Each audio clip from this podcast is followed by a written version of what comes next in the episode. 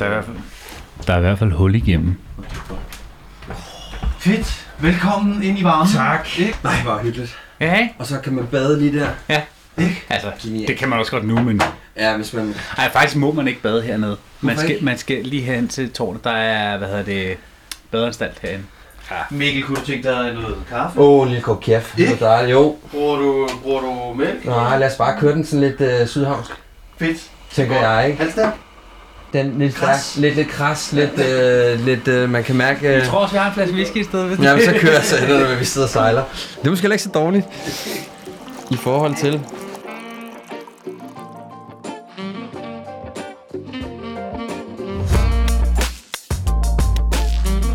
Perfekt. Så kører det. Men øh, så er der vel ikke andet at sige øh, velkommen i herværelset. Endnu en gang. Endnu en gang. Og vi er, har en dejlig gæst med i studiet. Det har vi nemlig. Og øh, Mikkel, hjertelig velkommen i herværelset hernede i Sydhavnen. Mange tak. Vi er meget glade for at have dig. Jeg er glad for, at jeg måtte være her. Og du har fået lidt kaffe. Og Jeg har fået lidt varm kaffe. Jeg sidder og kigger ud på en meget, meget smuk udsigt. Jeg er faktisk lidt overrasket over, at der stadig eksisterer sådan nogle steder her i København. Man kan kun blive lidt glad, når man kommer herned. Ah, det kan man kun. Jamen, det er skønt. Selvom det små regner, men det gør det sgu så tit. Det er jo Danmark, vi bor i. Ikke? ja. Ja. det gør ikke noget herinde, tænker. Med varm kaffe. Nej, nej. Der er varme på i dag, og, Vi hygger os, du. og vi hygger os. Vi hygger os. Vi skal jo snakke om noget, som man kan sige, det er måske ikke så hyggeligt, men det er i hvert fald det er vigtigt. Øhm, og det er noget, som både mænd og kvinder, nu er det jo udgangspunkt i manden det her, øhm, kæmper med, men i hvert fald, hvad hedder det, øhm, kommer ud for, når man står ved en skillevej i sit liv. Og den her skillevej øh, starter med det samme, det er jo skilsmisse. Øh, og hvordan man som mand kommer videre derfra. Og i de tilfælde også, hvordan man måske genfinder sig selv Mm. eller opfinder sig selv på ny. Øhm, og det er du været ude for, at du har endda gået så langt, at du har lavet en podcast om det, for ligesom Ja. at undersøge, hvordan finder man tilbage til sit jeg igen. Og det kan måske være, at vi i virkeligheden, Mel, skal starte med, at du kan fortælle måske lidt om dig selv. Jamen, det kan jeg sagtens. Øh, jeg er 42, snart 43 faktisk. Øh, jeg har en datter på 6, der hedder Lilo. Og jeg blev skilt i, øh, sådan officielt, blev der sådan skrevet under på papirerne, øh, lige den første dag i januar i 17. Øh, det for, har heldigvis foregået sådan ret øh, godt og, og sympatisk og respektfuldt. Øhm, så det har altid det har været det gode i det, kan man sige. Øhm, men øh, der blev jeg skilt. Og øhm, ja, der væltede min, øh, min verden øh, sådan rimelig meget for mig. Øh, fordi jeg havde ligesom bygget den der, øh, min egen identitet op omkring, at, at, at, jeg var, at jeg var en mand, der havde en kone, og jeg havde en, øh, et hus, der lå ud til en stor, flot sø oppe i Nordsjælland, og jeg havde nærmest selv, du ved, øh, tækket taget og bygget, og jeg havde en, øh, en stor have og en hund og to biler og et flot lån. Øhm, og øh, det stod jeg lige pludselig uden.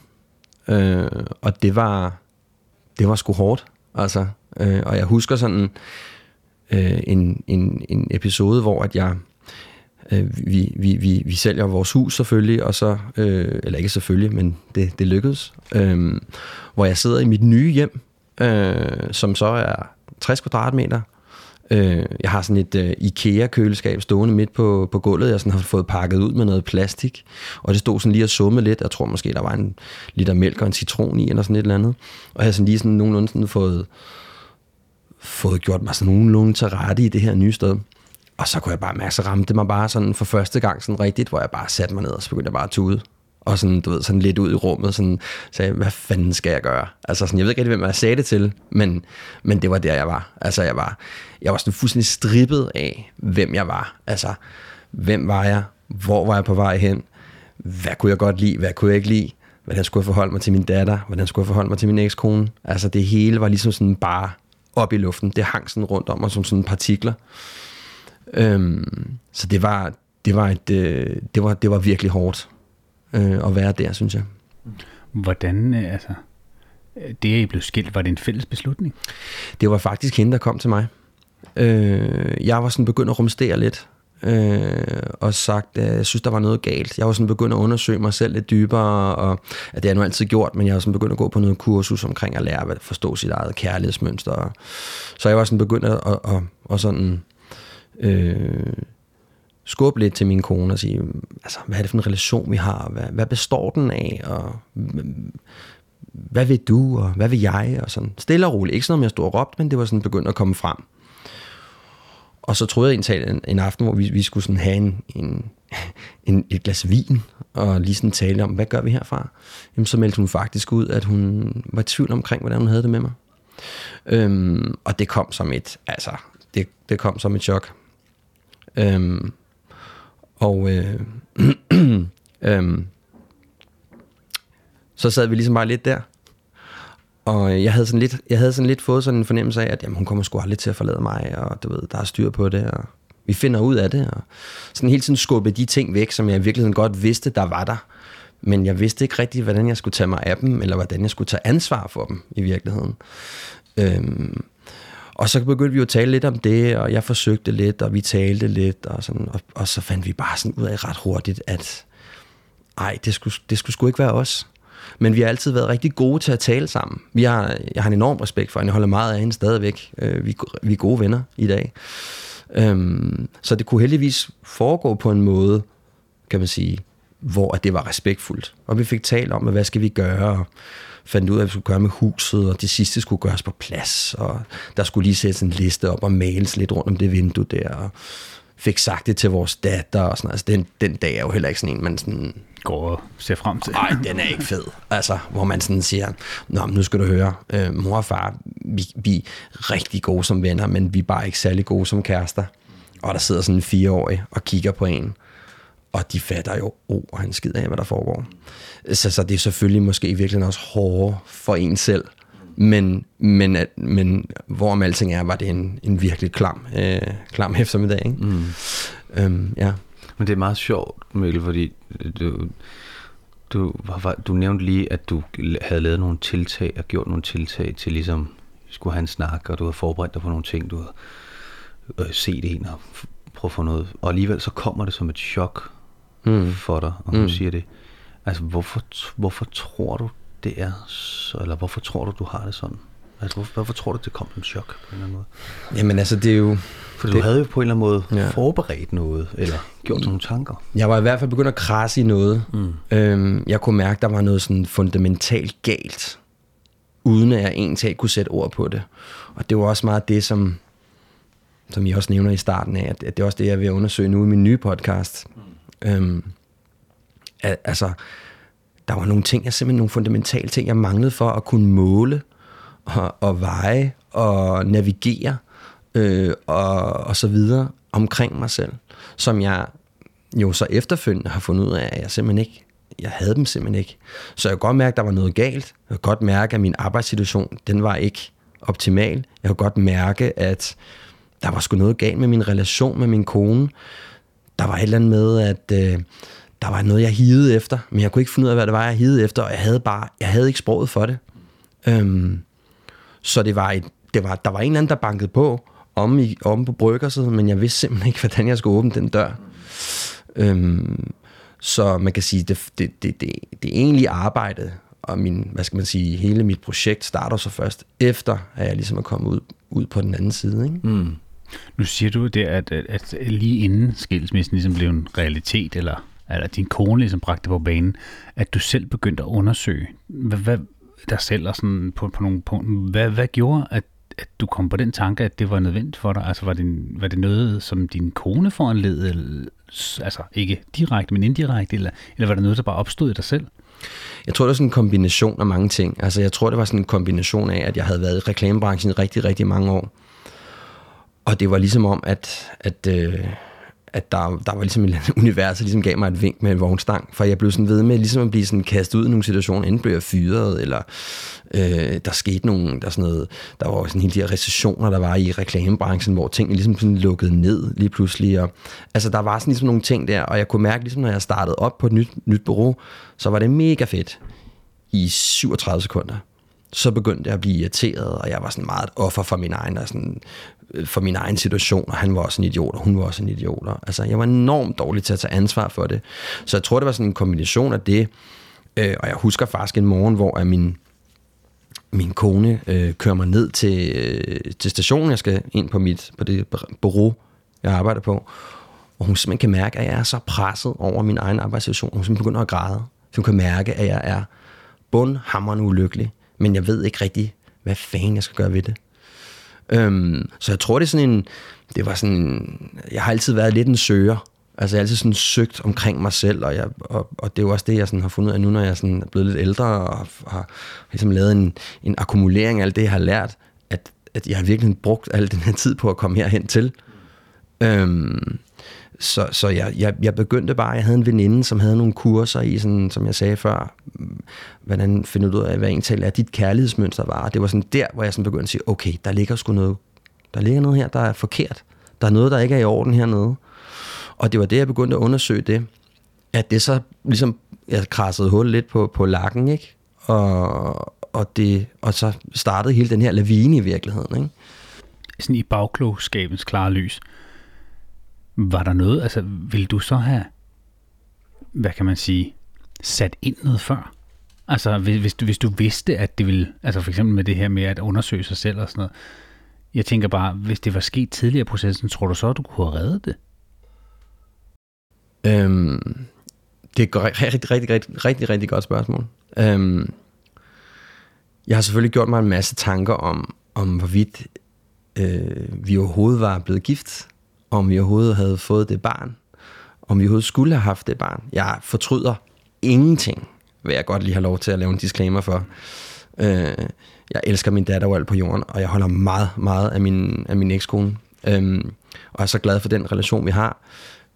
Men selvfølgelig har jeg da gjort nogle overvejelser omkring, jamen skulle vi overhovedet have kommet så langt, som vi gjorde. Øh, og jeg tror, med den viden, jeg har i dag, så kan jeg da godt sætte spørgsmålstegn ved, om jeg havde, om vi overhovedet havde fundet sammen i dag. Øh, ud fra hvad, jeg, hvad mine behov er i dag.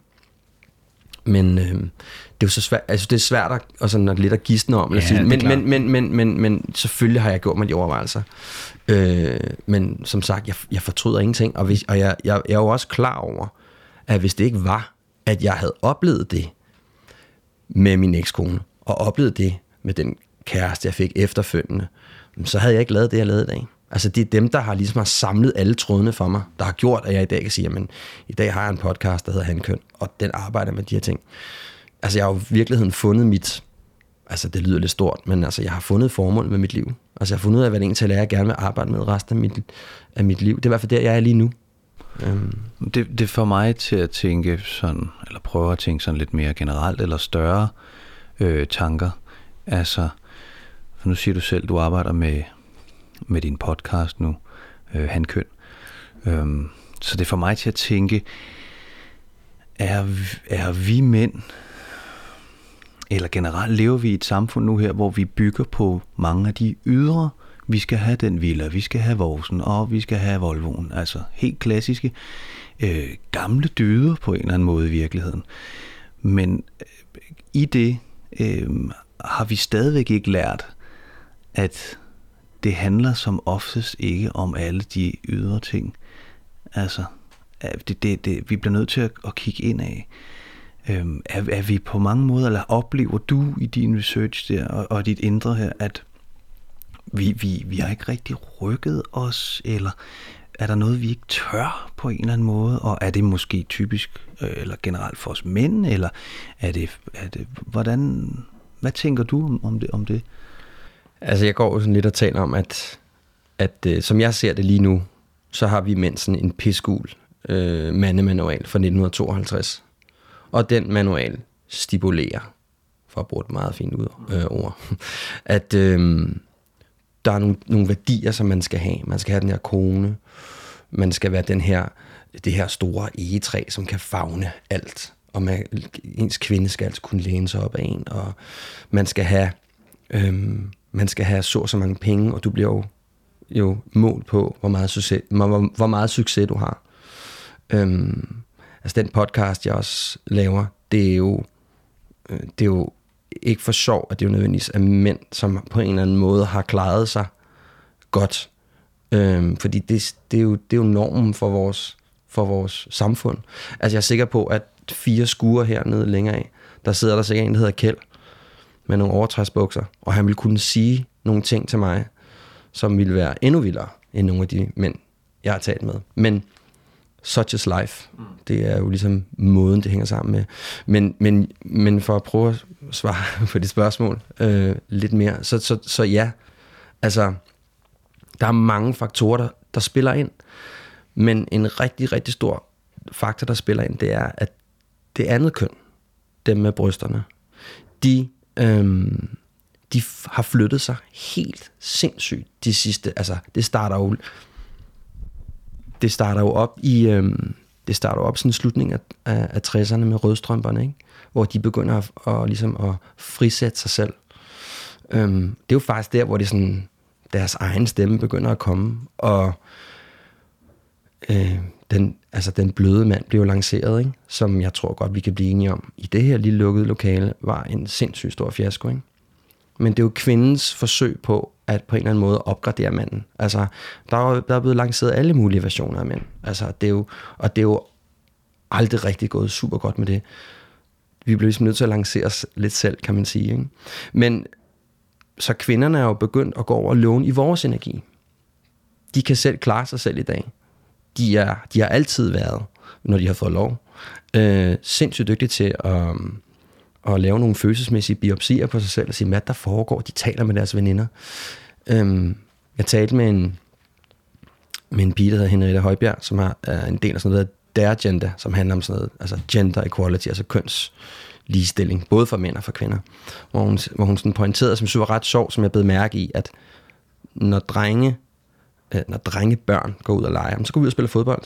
Sparker og slår, og øh, hvis, man, hvis man falder, så, uh, uh så sluger du den der følelse, og så løber du videre. Pigerne, de går over i hjørnet, og så står øh, Bettina og Line, og så siger Bettina til Line, øh, nu er jeg mor, og så falder jeg, og så skal du, så skal du sige, hvad der, hvad der så, så, så, så rejser jeg mig op, og så siger du, om det var også synd for dig. Altså, de leger allerede på det tidspunkt med de der øhm, roller, og det gør vi jo ikke. Altså, øh, jeg har også nævnt det flere gange øh, andre steder, at øh, altså, da jeg var dreng, der var det sådan noget med, at hvis jeg begyndte at, altså, jeg var sådan, jeg var sgu lidt en føls, føls, følsom dreng. Altså, øh, hvis jeg begyndte sådan lidt at tale lidt omkring det, og sådan derhjemme, derhjemme på, på bogpælen, ikke? I, i rækkehuset, så fik jeg da at vide, at jeg skulle holde op med at skabe mig. Altså holde op med at skabe dig. Så der blev bare lukket ned for det der, fordi når man er maskulin, så skal man, og når man er mand, så skal man selv finde ud af, hvordan tingene øh, hænger sammen. Og det har vi jo bare trukket med øh, de sidste øh, mange tusind år. Og derfor så står vi nu som en øh, 50 procent af i hvert fald den vestlige øh, del af befolkningen og har nogle store problemer, fordi vi aner ikke, hvad det er, der er inde i os. Jamen, jeg, jeg, har, jeg har nemlig også indtryk af, at, at det er lidt et tankskib på en eller anden måde, som vi prøver at vende. Og vi har faktisk også haft det lidt op i, i nogle af vores foregående afsnit. Øhm, men at, at vi som mand er i, i en udvikling, som stadigvæk bærer præg af, at vi, i hvert fald i vores generation, som sidder herinde i det her lokale lige nu her, er, er, er, er, er, er vokset op med mange af de gamle dyder, men også nogle af den her øh, 70'er transformationsting. Ikke?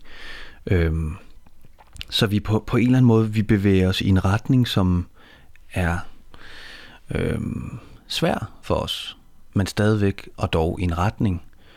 Øhm, så jeg kan godt ikke genkende til mange af de ting, altså den der splittede følelse, vi har inde i os.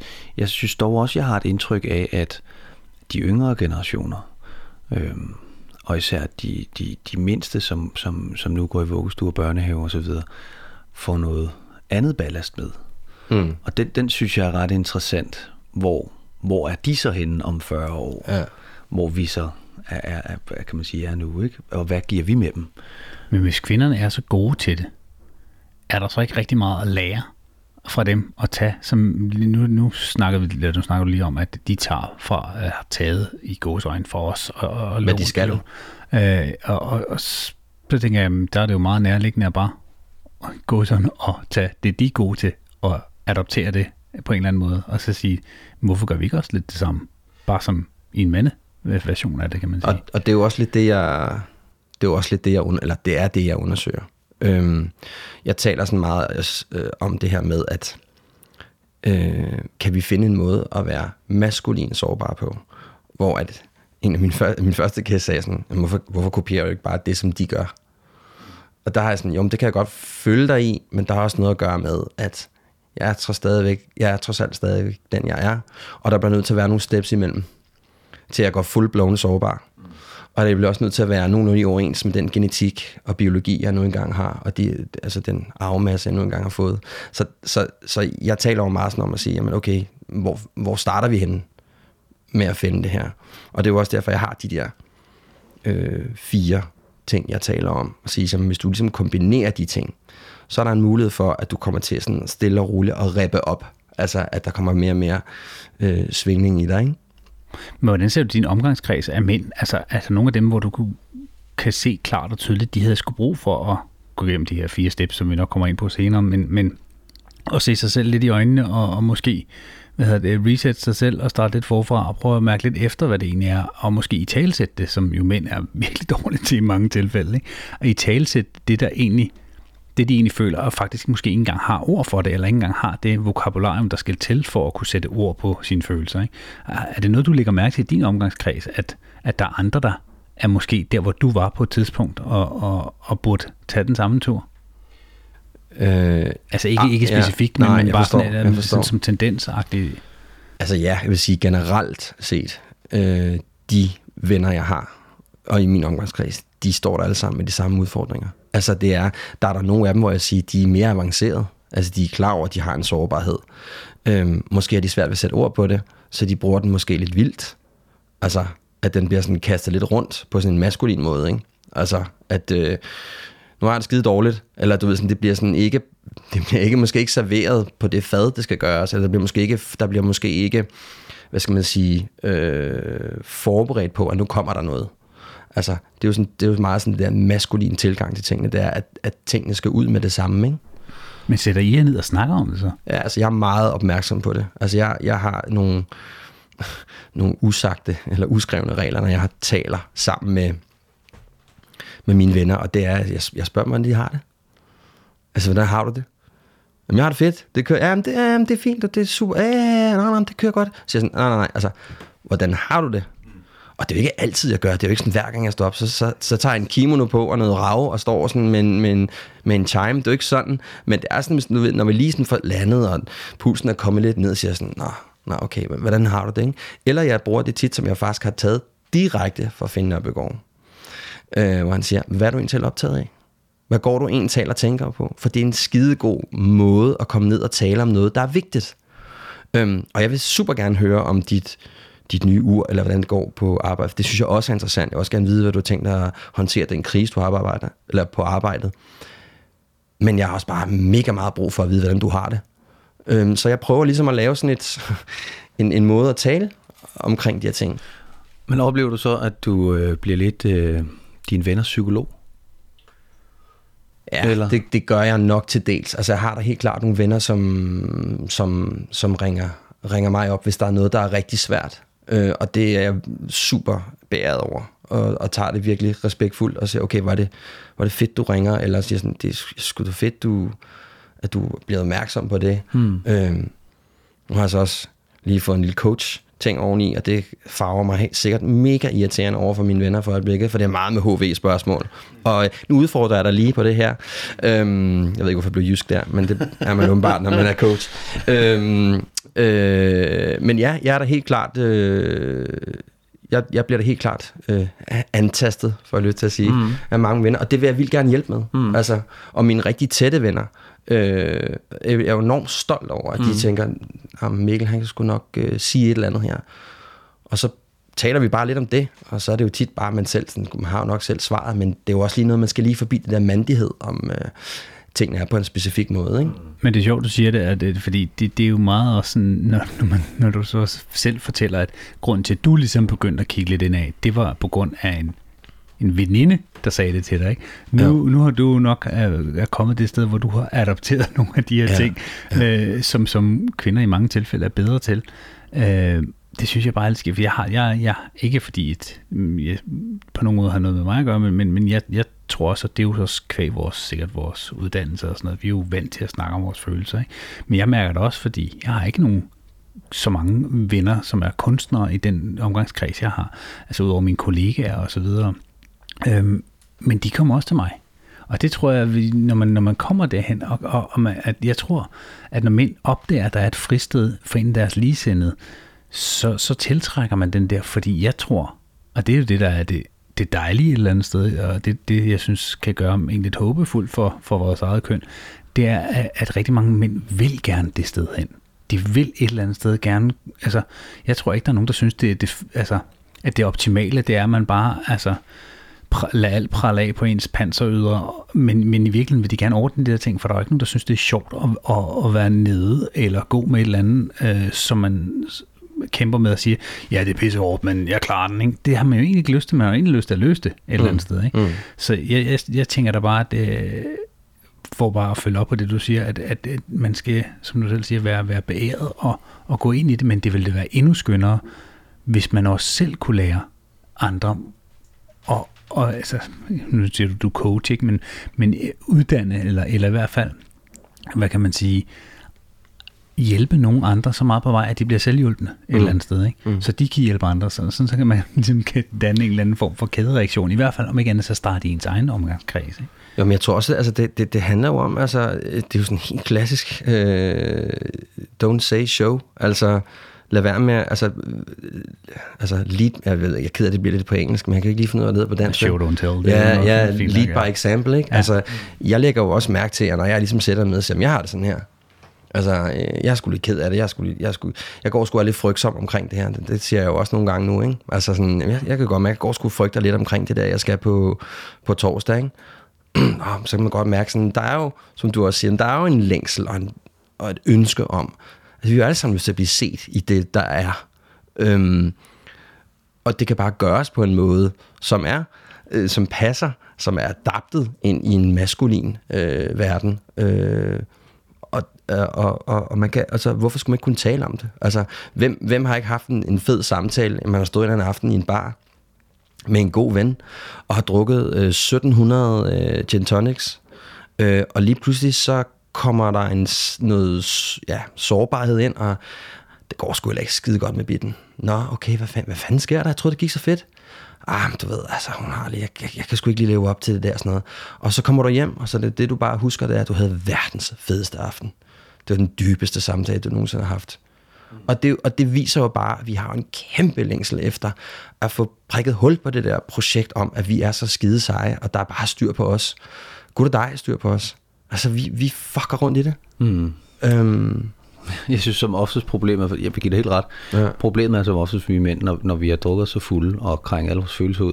Vi kan godt huske, det var en super fed samtale, men vi kan ikke, nogle gange ikke huske konkret, hvad fanden Nej, var den handlede om, ikke? Ja, og, hvordan, hvordan, hvordan bruger man det konstruktivt fremadrettet? Præcis, ikke? Fordi ja. så bliver det jo mange gange, jamen det der panser, det jo lige, så- lige så let, som man kan smide det gitter ned foran smykkebutikken, for at der ikke skal komme indbrud. Ikke? Lige sådan smider det gitter ned også, lige så snart du kommer hjem og tømmermænden er over, ikke? så ryger det der panser ned igen, fordi oh shit, det gik også for tæt på. Det kan godt være, det var fedt, men det er også et farligt land. Ikke? Altså, ja, det og jeg skal jo ikke, være, jeg skal jo ikke fremstå svag. Mm, Altså, nej, det, er jo det, der, er- det, er jo det, der er hele, det er jo det, der er hele projektet her, altså, som jeg også taler om, det er, altså, ja, du skal være sårbar, men øh, du skal også lære at tage et ansvar, som jeg er meget fokuseret på også. Ikke?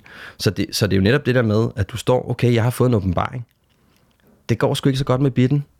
Øhm, vi har nogle problemer. Og hvordan samler jeg så det op? Det er jo det, der er interessant.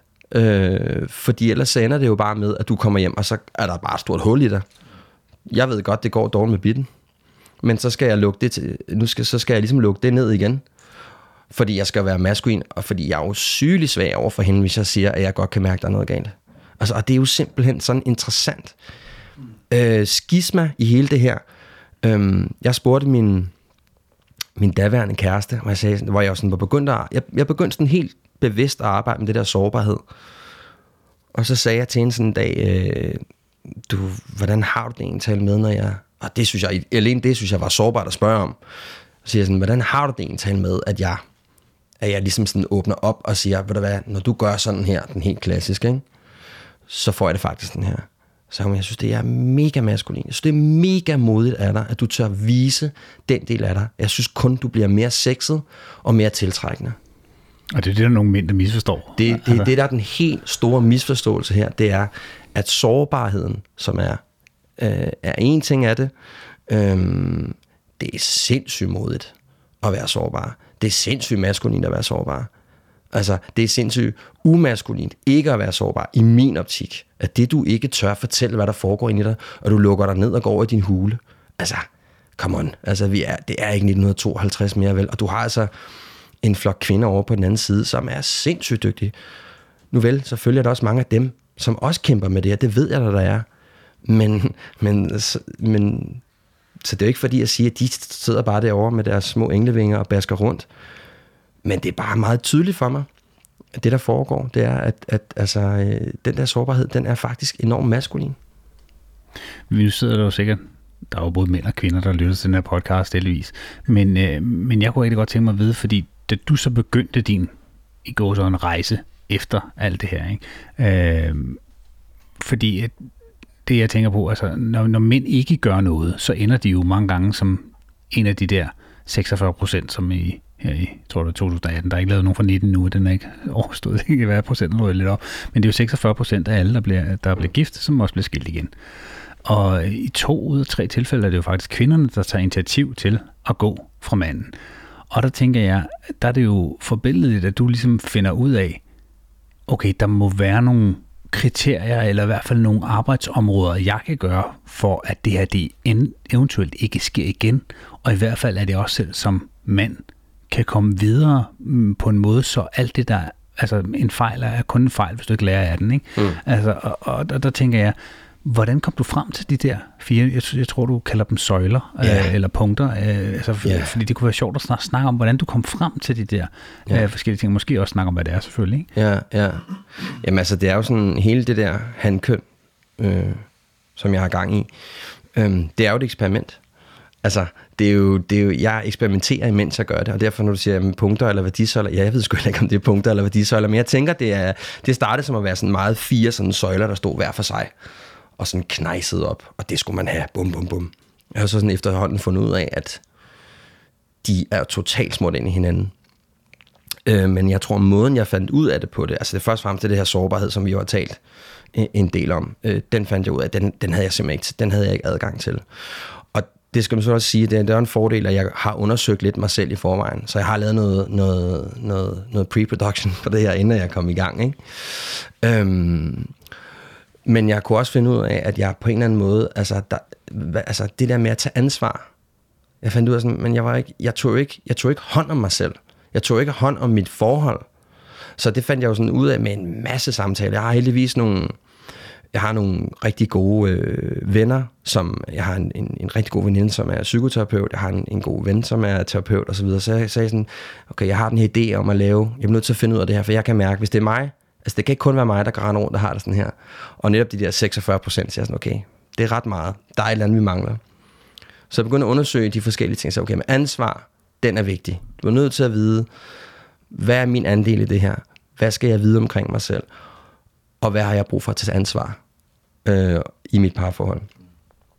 Så som jeg også talte om tidligere, så var jeg jo ret frustreret over, at jeg ikke rigtig sådan vidste, hvad det var, jeg ville. Og så begyndte jeg sådan, så læste jeg en artikel øh, i politikken, øh, jeg tror det var en historieforsker, som talte omkring, at vi manglede hele det her med øh, ridderne runde bord. Manden skulle ligesom have, han, hvad, er det, hvad er det, vi kæmper for? Altså, du kæmper ikke mere for øh, skænke og roer, fordi det kan, det kan hun selv finde ud af. Okay, så der er et eller andet med at have et formål, som ikke peger ind af, men peger ud af. Altså, som jeg taler om at sige sådan, jamen, hvad er det, du skal kæmpe for? Jeg bruger ikke de ord, for det bliver sådan lige lidt for ridder, ridder kliché, ikke? Men hvad er det egentlig talt, du skal, du skal, hvad er det, du gerne vil bidrage med til verden, når, du, når, du går, når døren smækker bag ved dig? Altså, din kone er glad, øh, din kæreste er glad, dine børn er glade, og der er el i stikkontakten. Hvad er det så, du gerne vil ud, ud og kæmpe for? Fordi der er mange, der, sk- altså jeg har lavet selv mærke til, at mit formål blev jo så, Nå, men så skal jeg også bare være en god far, og jeg skal øh, lave verdens flotteste gavl. Altså, så det blev det, det handlede om. Så det var sådan nummer to, jeg fandt ud af. Og, og satte de to sådan over i, okay, de her er interessante. Øh, så begyndte jeg at finde ud af, at jeg begyndte sådan at kigge på mit forhold og sige, at der har været rigtig mange situationer, hvor jeg ikke kan udtrykke, hvad der er for nogle behov, jeg havde. At jeg havde brug for noget tid alene, at jeg havde brug for at tage på en rejse, der kun omhandlede mig og min ven. Øh, men jeg fandt også ud af, at jeg ikke tog at tale om det, fordi jeg ikke tog ansvar. Så jeg følte ikke, at jeg kunne komme hjem og sige til min kone, ved du hvad, nu skal du høre næste uge, der tager jeg til LA med min rigtig gode kammerat. Fordi jeg følte ikke, at jeg havde lov til at gøre det, for jeg ikke, altså underbevidst, ikke rigtig havde taget stilling til det. Og så kom så sårbarheden, sårbarheden ind.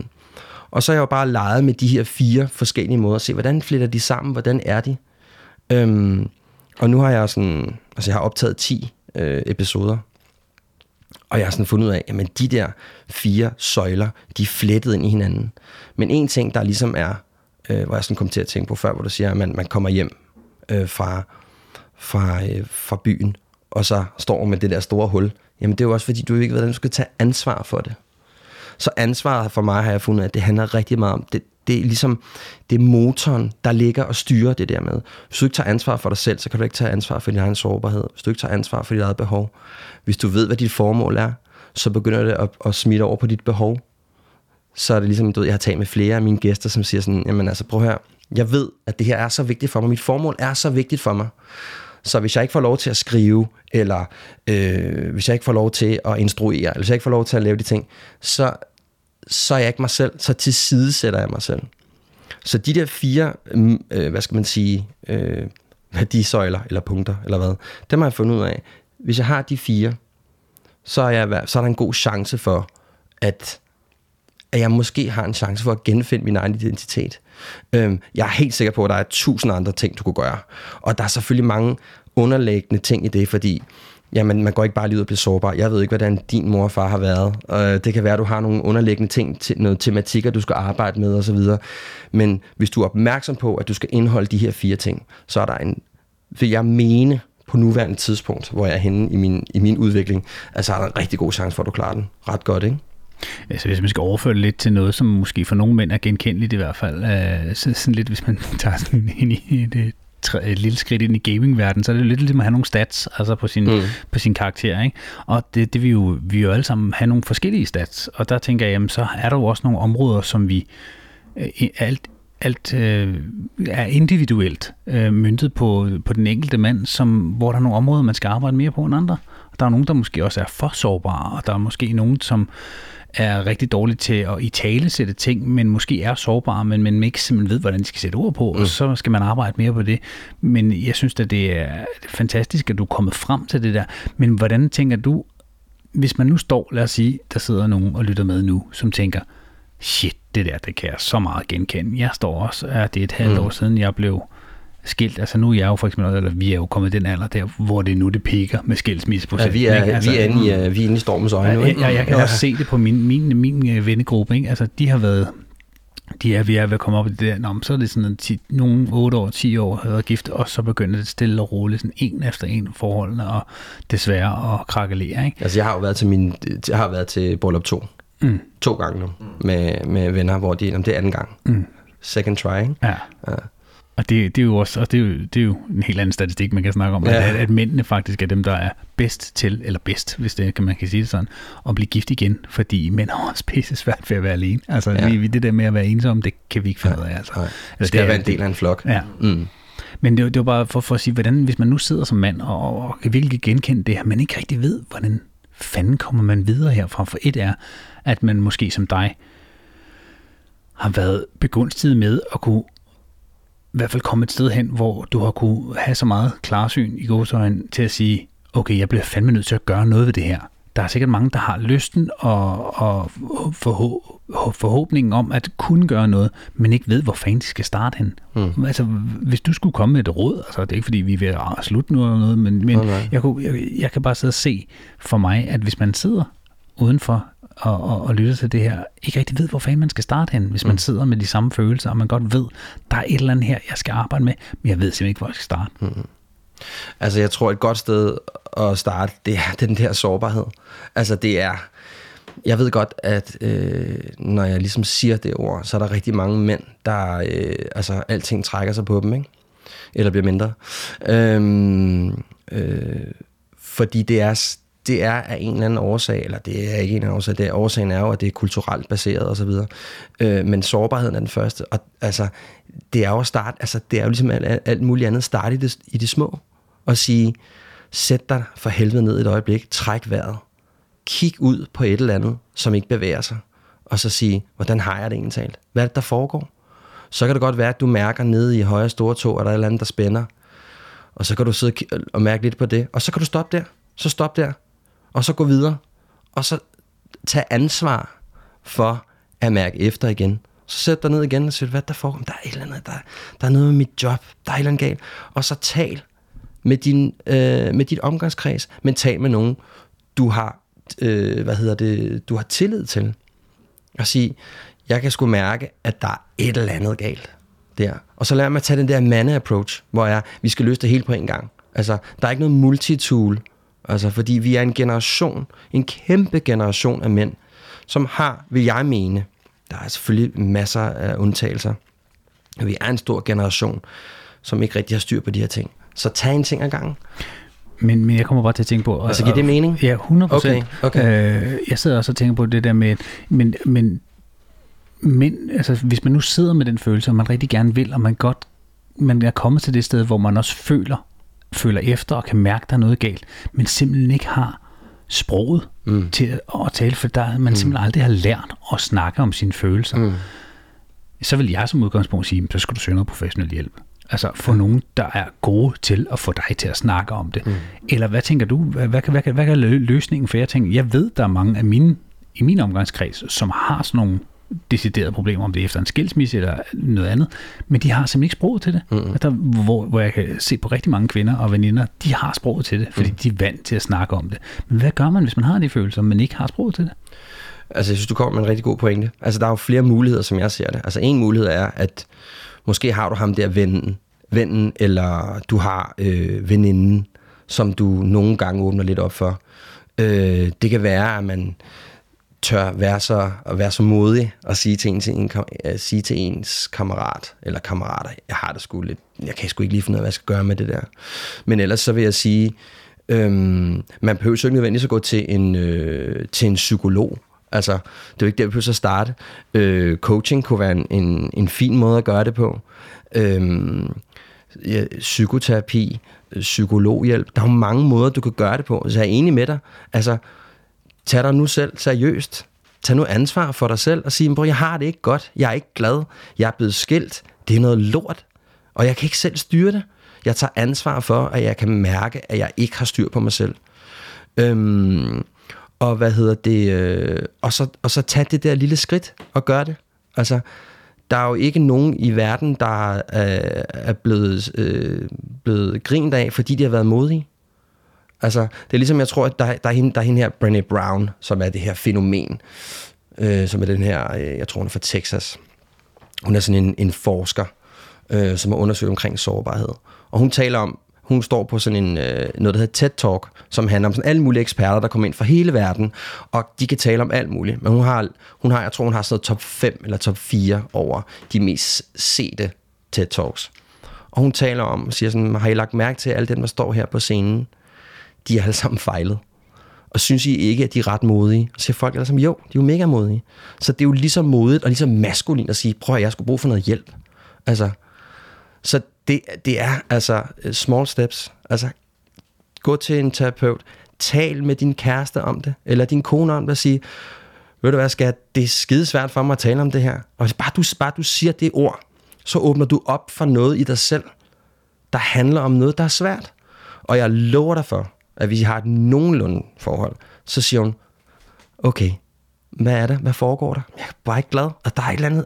Og så, jeg kan love dig for, at hun er DM-mester Jamen, det er det, der er sjovt med, Ja. med rigtig mange kvinder. De, Ja. de, de er, har jo nærmest en Ja. indbygget coach-knap, Ja. hvor de altså, spørger på en måde, Ja. som får en leder til, at du selv kommer Ja. og stiller dig selv nogle spørgsmål, Ja. og faktisk også kommer med nogle svar indirekte. Ikke? Og det, der er vildt fedt ved mange kvinder, det er jo, at i, i modsætning til os, så kommer de ikke med en løsning. Vel? Altså, kvinder er jo sindssygt gode, eller mange kvinder er gode til at sige, jamen det kan jeg godt forstå, jeg kan godt forstå, det er svært. Hvordan har du det med det? Hvad betyder det for dig? De er jo coaches, som du selv siger, per default.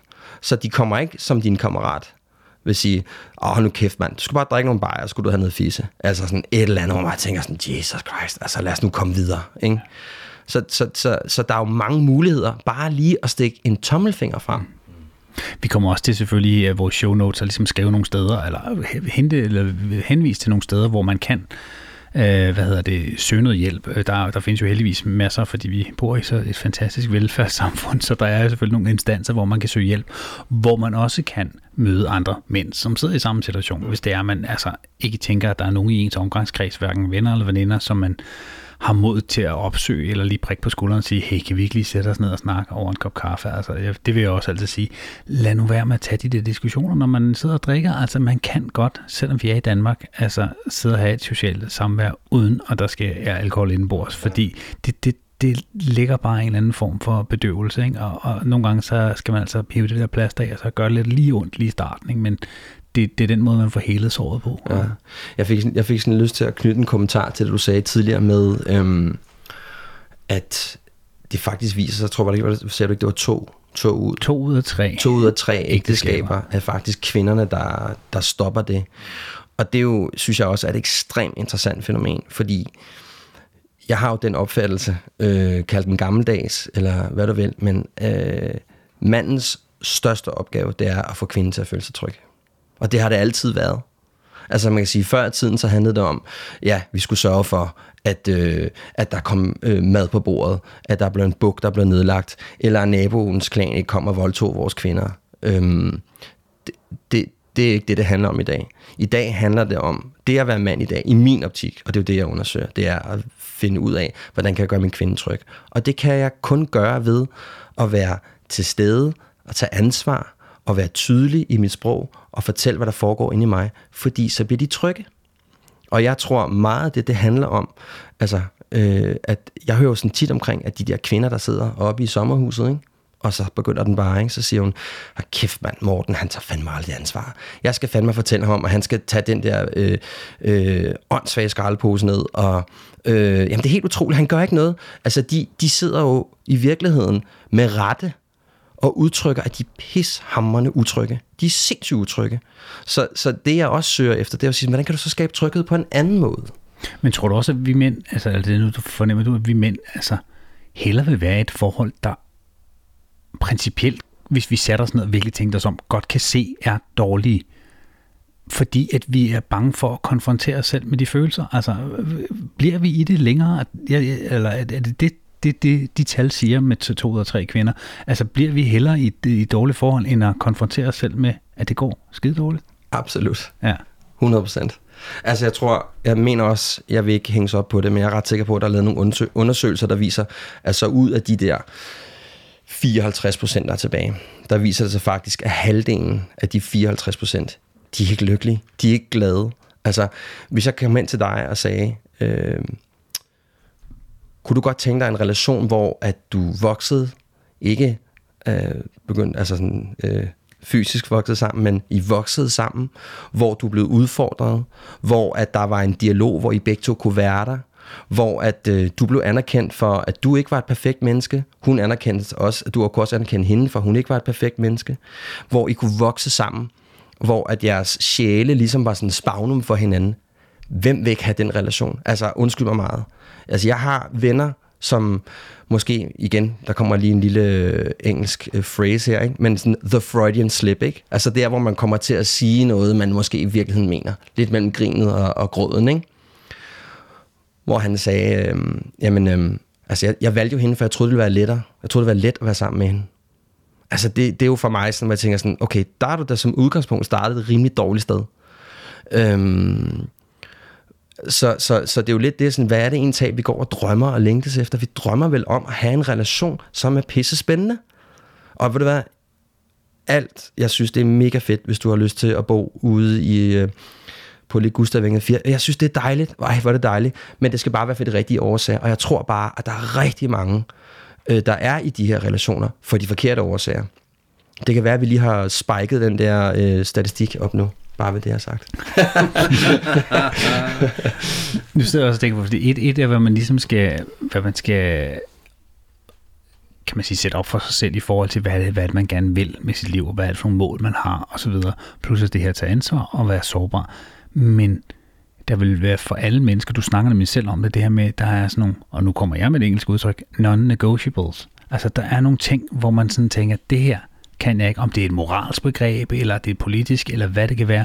Nogle ting, som man siger, det her, det går jeg simpelthen bare ikke på kompromis med. Det kan være folk, der har sådan et, jamen altså, jeg kan simpelthen ikke være sammen med en, som er dybt højorienteret, eller hvad fanden det nu kan være, eller har noget omkring børneopdragelse, eller hvad det nu kan være. Hvad er dine? Har du nogen? Ja, jeg har, jeg har sådan en lille liste. Altså, jeg, jeg skældner mellem det at have nogle behov, og så have nogle ufravillige krav. Øh, det synes jeg er meget vigtigt at skælne imellem. Der er nogle grundlæggende ting i mig, som jeg øh, opdagede, og det er jo fordi, jeg har været opmærksom på det, og har, har, har registreret, hvad der foregik i mig. Øhm, hvornår har jeg været gladest? Hvad er, det for nogle, hvad er det for nogle mennesker, jeg har været sammen med, hvor jeg har følt mig mest inspireret? Øh, hvornår har jeg gået hjem og sagt, kæft, hende der, hun var fed, eller han var fed. Hvad var det, de gjorde ved mig? Så man lige sådan registrerer det. Øhm, så en af mine ufravigelige krav, altså, eller non-negotiable, som du kalder det, en af mine ufravigelige krav, det er, jeg skal være sammen med en kvinde, som har en let og lejende og øh, et, et ønske om at flytte sig og nysgerrig. Altså, jeg, jeg har nogle gange sådan sagt, lidt for sjov, men der er måske også noget, noget, noget alvor i det. Jeg har kaldt det Julia Roberts-energien. Fordi, øh, øh, udover hun er en, en æstetisk nydelse at se på, øh, så har hun sådan en tilgang. Øh, jeg ved ikke, hun er sådan også i virkeligheden, men hun har en specifik tilgang til livet. Der er overskud, hvis man øh, øh, laver noget forkert, og hun, er, hun kan være let alene. Altså, så ja, med, med chance for, at det er lidt, lidt flødebollet øh, mainstream øh, udtryk, kan man sige. Så, så er det sådan meget, det, det, det, det er ufravilligt for mig. Altså, jeg skal have noget, der flytter mig og legner lidt. Så har jeg noget behov om at være alene. Men det er et behov, så det vil sige, det kan godt flyttes. Jeg kan godt sige, jamen altså, hvis jeg er i en relation, og der er nogle børn, og jeg potentiale er, at jeg møder en, der også har børn, ikke? Ja, det gør man jo. Det bliver større og større i den her. vi er jo i version 2.0, ja, ikke? Ja. Øhm, jeg har brug for at være alene. Altså, og jeg har brug for at gøre nogle ting, der kun handler om mig. Men jeg er også god til at udtrykke dem, hvis det er, jeg har brug for dem. Øhm, så det er noget med det, og som du også selv siger, altså jeg har sådan en, der siger, at vi skal begge to kunne lide rødt. Og det, jeg mener med det er netop, altså jeg kan sgu ikke være sammen med en, der er højorienteret. Og jeg vil hellere på et museum, eller jeg vil hellere se en anden vild film, øh, end jeg vil i Lalandia. Jeg, jeg, tager ikke, jeg gider ikke tage Lalandia. Og, jeg, og det er jo også noget, jeg har oplevet med, både nogle i min, i, af mine venner og i min omgangskreds, at de gør noget, de faktisk ikke rigtig har lyst til. Og så sidder de nede og bare er pisse sure. Og er nederen og devaluerer situationen, fordi de har ikke taget ansvar for at sige, jeg gider faktisk ikke at være hernede, har stinker og klor, og jeg kan ikke lide plastikpalmer. Altså, så, så jeg har sådan noget med, at vi bliver nødt til sådan æstetisk at være nogenlunde det samme sted. Hmm. Altså jeg har for eksempel, det, det, det er jo det, min kæreste har for eksempel sagt til mig allerede fra starten. Prøv at hvis vi skal noget, som du ikke gider, så kan du lige så godt blive hjemme. Jeg ja. gider ikke, du skal i hvert fald ikke tage med og så sidde og bitche. Og det har jeg været rigtig dårlig til. Og, og der har jeg også fundet, jamen prøv at høre, så må jeg hellere sige, jeg magter det ikke lige, jeg vil hellere blive hjemme, fordi det er jo heller ikke på nogen måde fedt for hende, at jeg tager med, og så sidder, sidder der og lige sådan en stort sky over hjørnet, hvor man sådan tænker, der tror jeg også, det handler om, hvis man ikke får snakket om de der ting, eller ikke får sagt det højt, og forventningsafstemmer. Altså jeg tror, det der med forventningsafstemme, inden man går ind i noget, det er jo værser et venskab, eller hvad fanden det er, eller man tager på tur med drengene, eller hvad helvede det gør. Altså så man ikke lige pludselig får sådan, hey, det gider ikke det der kraft, men prøv, mm. vi har snakket om det. Altså hvorfor, hvorfor skal vi overhovedet have den der diskussion? Ikke? Altså fordi jeg tror, især når man kommer ind i et nyt forhold der, hvis man ikke har forventningsafstemt, så står den ene lige pludselig og siger, hvor fanden kommer det fra? Mm. Altså og der tror jeg bare, man, man, man træder så mange steps foran, øh, ved, at være allerede, eller man tager så mange sår på forskud, øh, eller hvad kan man sige, afskriver dem allerede ved, ved at ligesom at, at få, få åbnet op allerede fra starten og sige, jamen prøv at sådan er jeg det. Sådan det her ting, altså for eksempel, hvis du sagde det her, nu går jeg ud fra, når du kommer ind i et nyt forhold, og så mm. til at starte det, at du har en anden approach til det. Fuldstændig. Altså, der er meget af det her, sådan, som du også lige lidt nævner, ikke? de her uskrevne regler, som øh, starter op, når du møder en ny. Altså, helt sådan klassisk med, at du møder op, jamen kommer hun for sent? kommer du for sent? Øh, betaler, vil hun gerne selv betale? Bet, øh, hvor vil hun gerne bo? Hvad er hendes drømme? Hvad er hendes længsler? Men det der er i det, det er, at det skal vi jo ikke tale om. Øh, det er jo bare noget, der sker. Skal tingene ikke bare, øh, altså man hører sådan det, men skal tingene ikke bare have lov til sådan bare at vokse og være dynamiske? Jo, det skal de. Noget af det. Men du bliver nødt til at have de der samtaler. Og nogle gange, som du selv siger, som med din kæreste, ikke? Øh, øh, gider du ikke bare blive hjemme, fordi du, du fucker min aften op ved at være sådan. Så det er jo ret godt at have de der samtaler, der er, det er vigtigt for mig, det her forventer jeg af dig, det her gider jeg ikke, og et nej, det er simpelthen så rart at få nogle gange, fordi hvor fanden skal du vide fra, hvad du skal gøre, hvis du ikke får det at vide? Og det er jo sådan meget klassisk, altså det er jo meget den der kvinde-mand ting. Vi kan jo godt lide at få at vide, lad være med at stille dig derover. Du skal ikke tage den der på.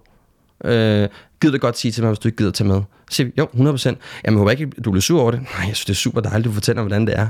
Så den der direkthed kunne vi godt lære noget af anden, og ikke være bange for at tale omkring de her øh, uskrevne regler. Og det tror jeg faktisk i virkeligheden er en af de kæmpe store problemer, øh, der, der kommer i forhold, det er de her uskrevne regler, som ikke der, der er ikke blevet talt om den. Det er ikke blevet i tale sat, hvordan er det egentlig, vi fungerer som en par, når der er et barn, når der kommer et nyt barn. Øh, det bliver ikke talt om det, fordi den ene side er bange for, hvad den anden måske tænker, og den anden skal i hvert fald ikke sige noget, fordi, og, det, og, og, og det er i tilfælde det er som manden, fordi øh, han er en mand, og der er ikke noget, altså, jeg gør hvad jeg vil, og det gør vi jo så overhovedet ikke. Altså, jeg, jeg, jeg, jeg, jeg, får, jeg får sådan lidt en tanke, vi har faktisk øh, snakket mindre om kærlighed og sex. Ja. Øhm, og det synes jeg er ret interessant.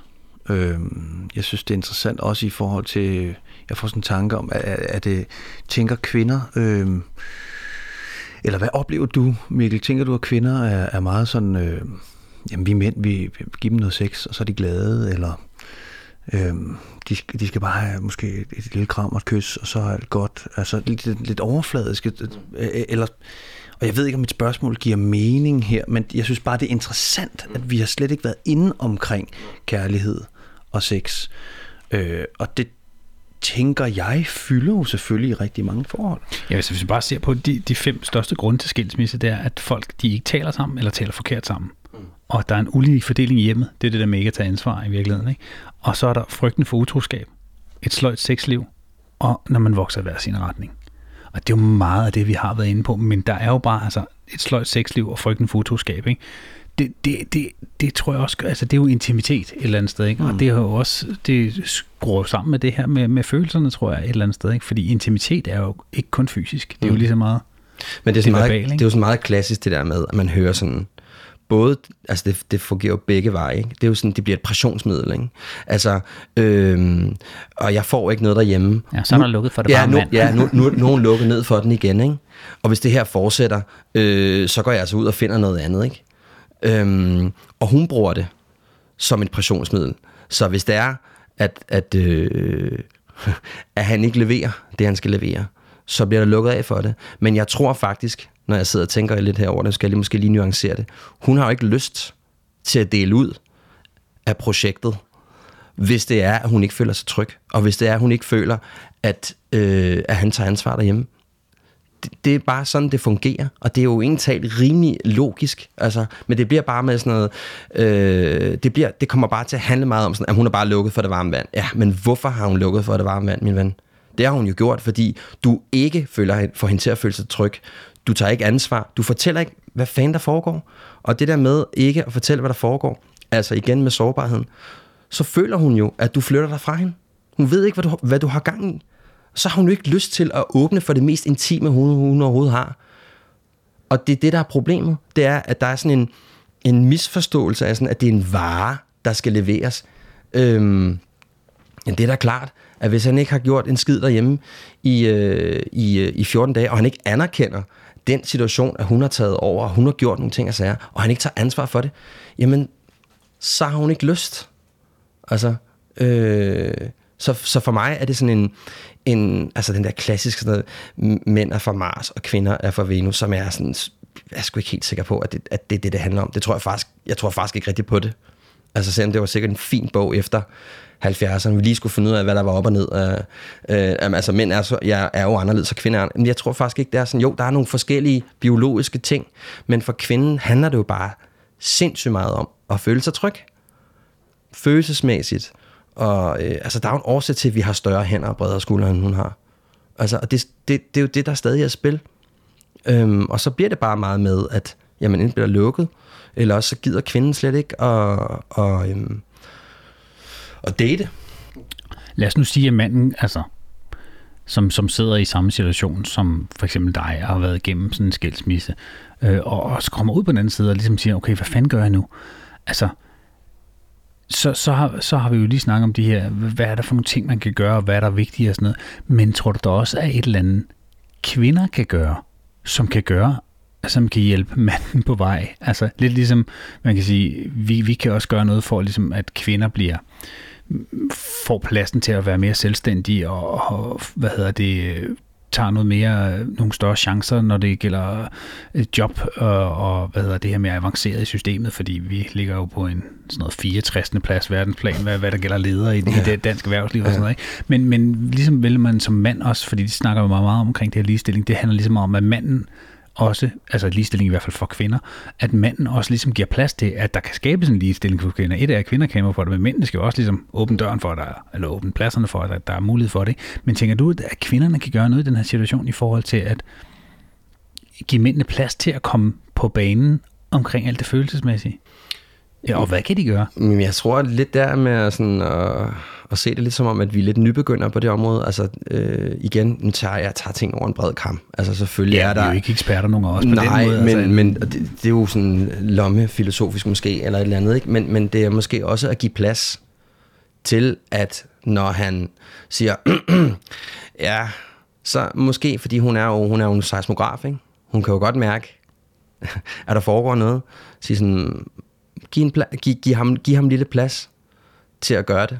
Og, og der skal ikke særlig meget til, fordi når vi først er i gang, så er vi jo skide gode til at handle. Altså, når vi først finder ud af, at det noget er en succes, når du først finder ud af, at det at være sårbar giver på det, øh, så begynder man jo at gøre det mere og mere og mere. Og hvis man finder ud af, hvad det vil sige at have, altså igen med formål og så videre, når, du, når du ved, hvad det er, så handler vi jo. Så det giver plads. Altså giv bare en lille smule plads. Bare tre sekunder mere. Fordi der er måske også en tendens til at sige, Nå, men du siger ikke noget. Hvorfor siger du ikke noget? Hvorfor siger du ikke noget nu? Øh, fordi hun er utryg, hun forstår ikke, hvad der foregår. Bare giv ham to minutter, fordi vi har ikke lært det. Altså vi er ved at ændre på et regime, der har været i tusindvis af år. Der har handlet om, at vi skulle bare mokke alt det der ned, der hed, der var farligt og umaskulint og følelser. Fordi det er mega ufedt at sidde omkring et lejrbål, inden man skal i kamp. Og så sidde og sige, jeg er sgu lidt bange for, øh, for naboklanen. Hvad tænker I? Er I også bange? Ja, jeg er sgu også lidt bange. Så, kommer de, så, så, så ville man jo stå svagt du har fingrene op. Jamen, jamen det er fordi, at jeg, jeg, jeg er blevet ved, ved med ligesom at, at, at vende tilbage til den samme tanke, ud fra alt det, vi har snakket om, og hvad, hvad vi alle sammen har med os i, i bagagen som mænd, og det, det er, jeg, jeg oplever lidt øh, generelt i øjeblikket, at vi mænd, det er et kæmpe tabu for os at gå ind i de følelser.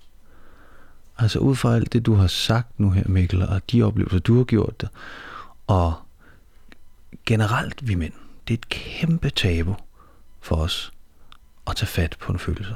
Mm. Og derved er det jo også en kæmpe hindring for os alle sammen. Altså vi har, vi har så svært ved at rykke det her. Altså jeg, jeg, jeg er lidt i tvivl om, hvor mange generationer på en eller anden måde det skal tage, før vi tør vise den her sårbarhed.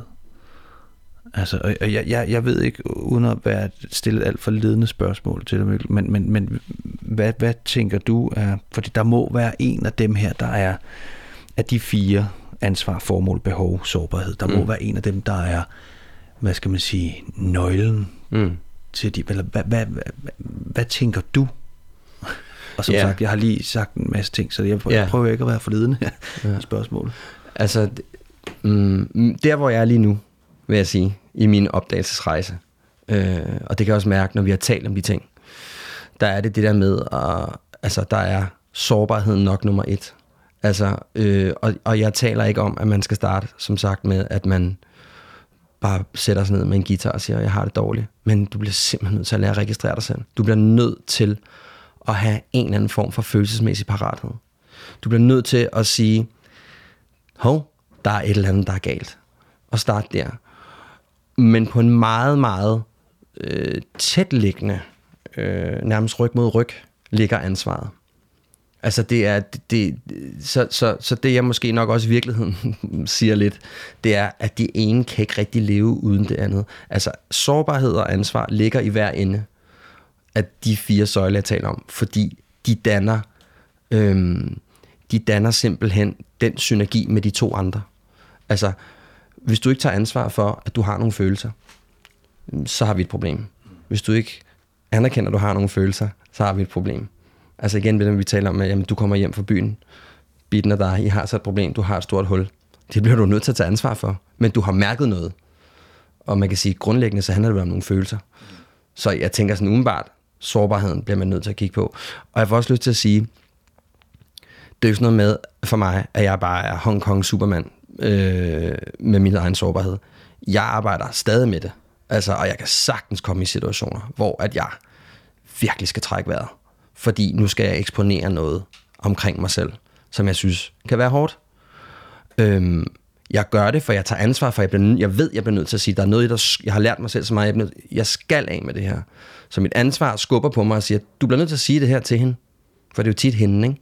Det er lidt lettere med drengevennerne på en eller anden måde, fordi der har vi stadigvæk en jargon, at sige, prøv jeg synes sgu lidt, du er et røvhul i dag, ikke? selvom det måske, nå, hvad, hey, hvad fanden med om det? Jamen, jeg bliver sgu, sgu lidt ked af det over, at du siger det der til mig, ikke? Og så på et tidspunkt, så bliver det nok vendt om til at sige, jeg bliver sgu lidt ked af det, når du siger det til mig, ikke? Men, men, men for mig er det stadigvæk en udfordring at sige, Nå, men øhm, øh, skal vi ses igen? Eller, øh, øh, jeg synes du er ret sød, eller øh, det der, du siger til mig der, det kan jeg godt mærke, det synes jeg faktisk var ufedt. Fordi jeg stadigvæk har læret i, mit, i min genetik og, min, og min, min, min kultur, og hvor jeg kommer fra, ud fra rækkehuset i Lønby, at øh, du skal holde din kæft med de der ting der, fordi de har ikke plads.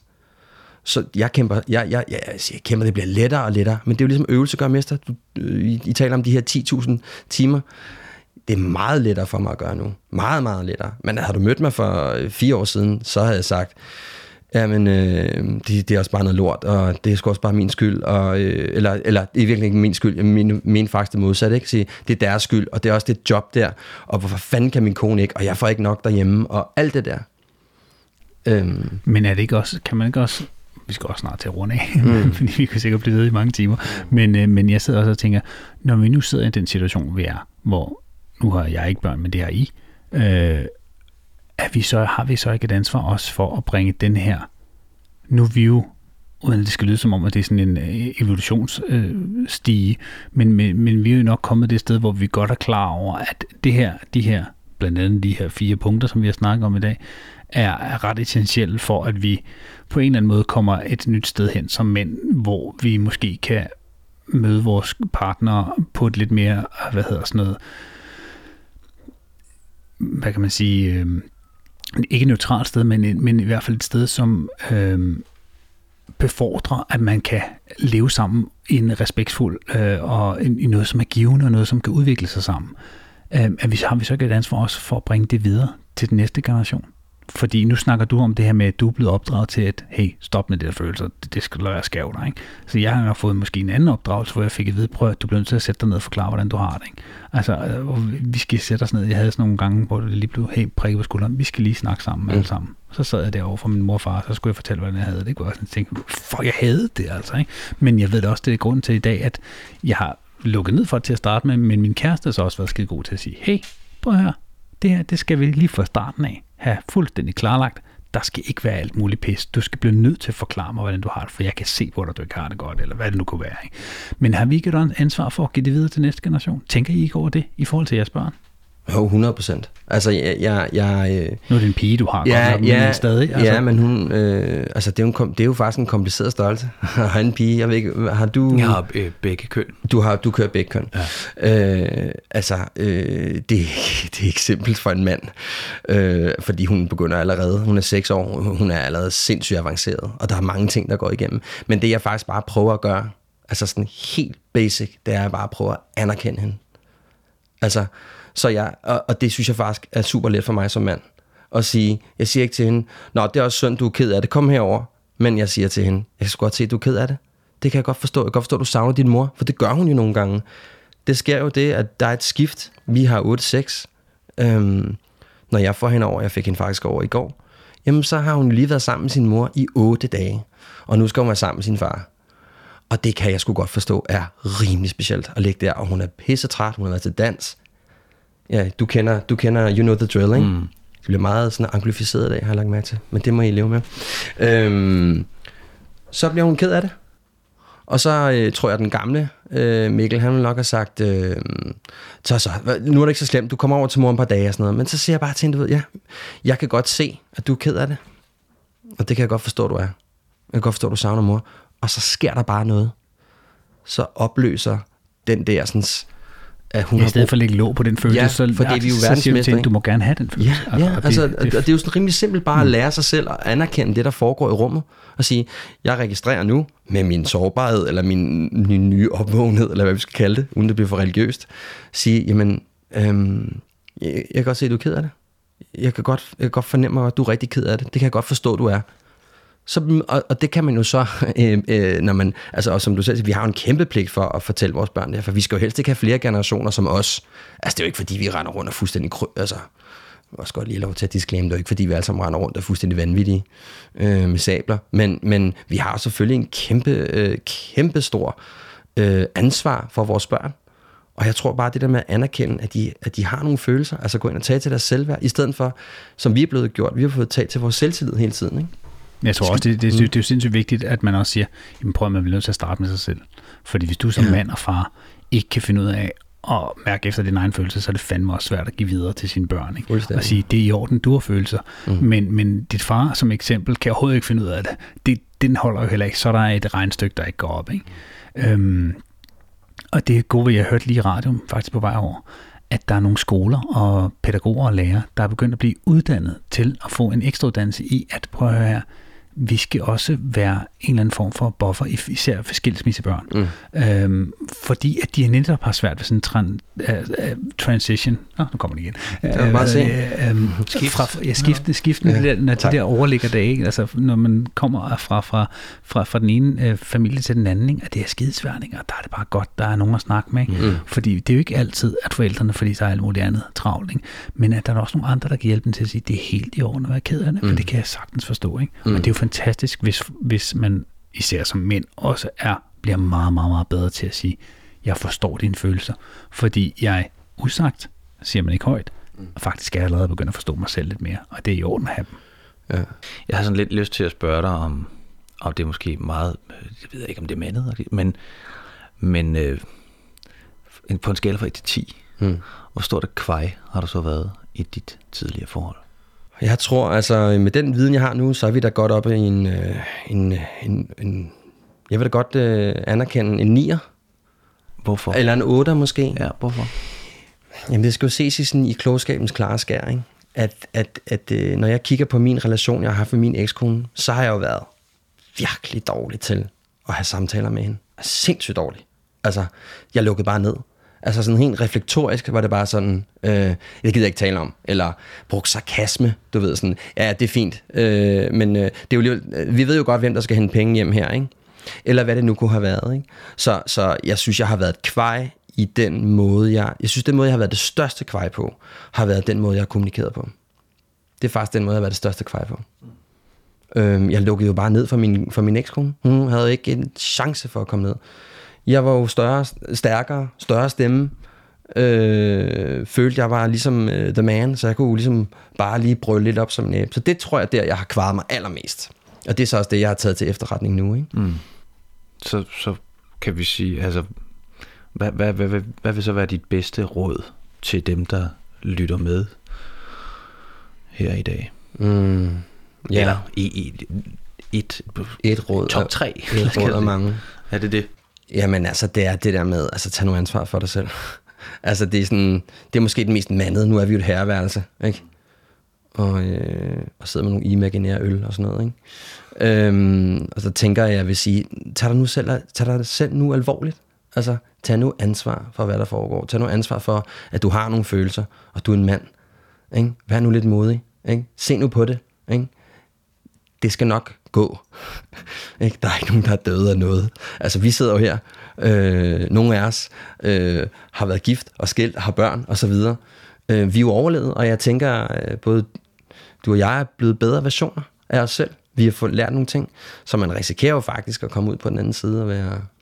Mere mand, end hvad var i forvejen. I Ja, fald det synes jeg i, godt sagt. I det, det billede, jeg synes, en mand skal være. 100 procent. Fordi en 100%. moderne mand, det er en, der tør være sårbar. Efter min mening i hvert fald. 100 procent. Der støtter jeg dig. Jeg tror også, vi skal til at runde af, så, Ja, ja, det så, vi det, så det lige pludselig løber op i, at det skal være en et dobbelt afsnit igen. Jeg er frisk. Altså, det er et spændende emne, synes jeg. Men uh, Mikkel, det har været en stor fornøjelse, at du Det har har det. tur og har haft lyst til at, at dele dine erfaringer, og det er jo en, en kamp, som vi i herreværelset her, som jo har været ude i alt fra depression til død, død i nær familie, og til ligestilling og hvad vi ellers har været ude i, nu kommer, kommer rundt om det her emne omkring, hvordan manden kan blive en bedre version af sig selv, når det gælder brud på kærlighed og så videre. Ikke? Øh, og, ja. og, og, rigtig god kamp at fortsætte det. Ja. Mm. Fordi jeg tror, det er sindssygt vigtigt, at øh, vi er flere end vi, vi er mange, der, der går ud og taler den her sag, fordi jeg synes, vi har rigtig meget at lære. Og mm. med alle de her tabuer, der ligger omkring det, at skulle være en, i går en moderne mand, som tør stå ved, hvem de er, tage ansvar for sig selv og stå ved sine følelser. Mm. Altså jeg tænker, at vi synes, skal have en, øh, en, sydhavns, en sydhavns date om et år.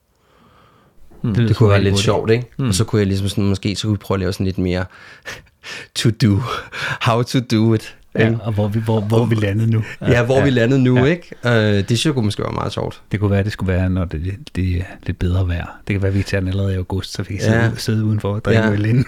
Fordi øh, jeg er jo ved at akkumulere al det her viden, jeg har lært uh, i de her 10 afsnit, så det kunne være sjovt at sige sådan, Hvordan det gået i hvordan, praksis. ja, hvordan, hvordan tager du en tal, øh, hvordan tager du en tal og får fokus på dit ansvar, og hvordan fanden finder du ud af, hvad dit formål er, og hvordan finder du ud af, hvad dine behov er, og, altså det kunne måske være meget sjovt.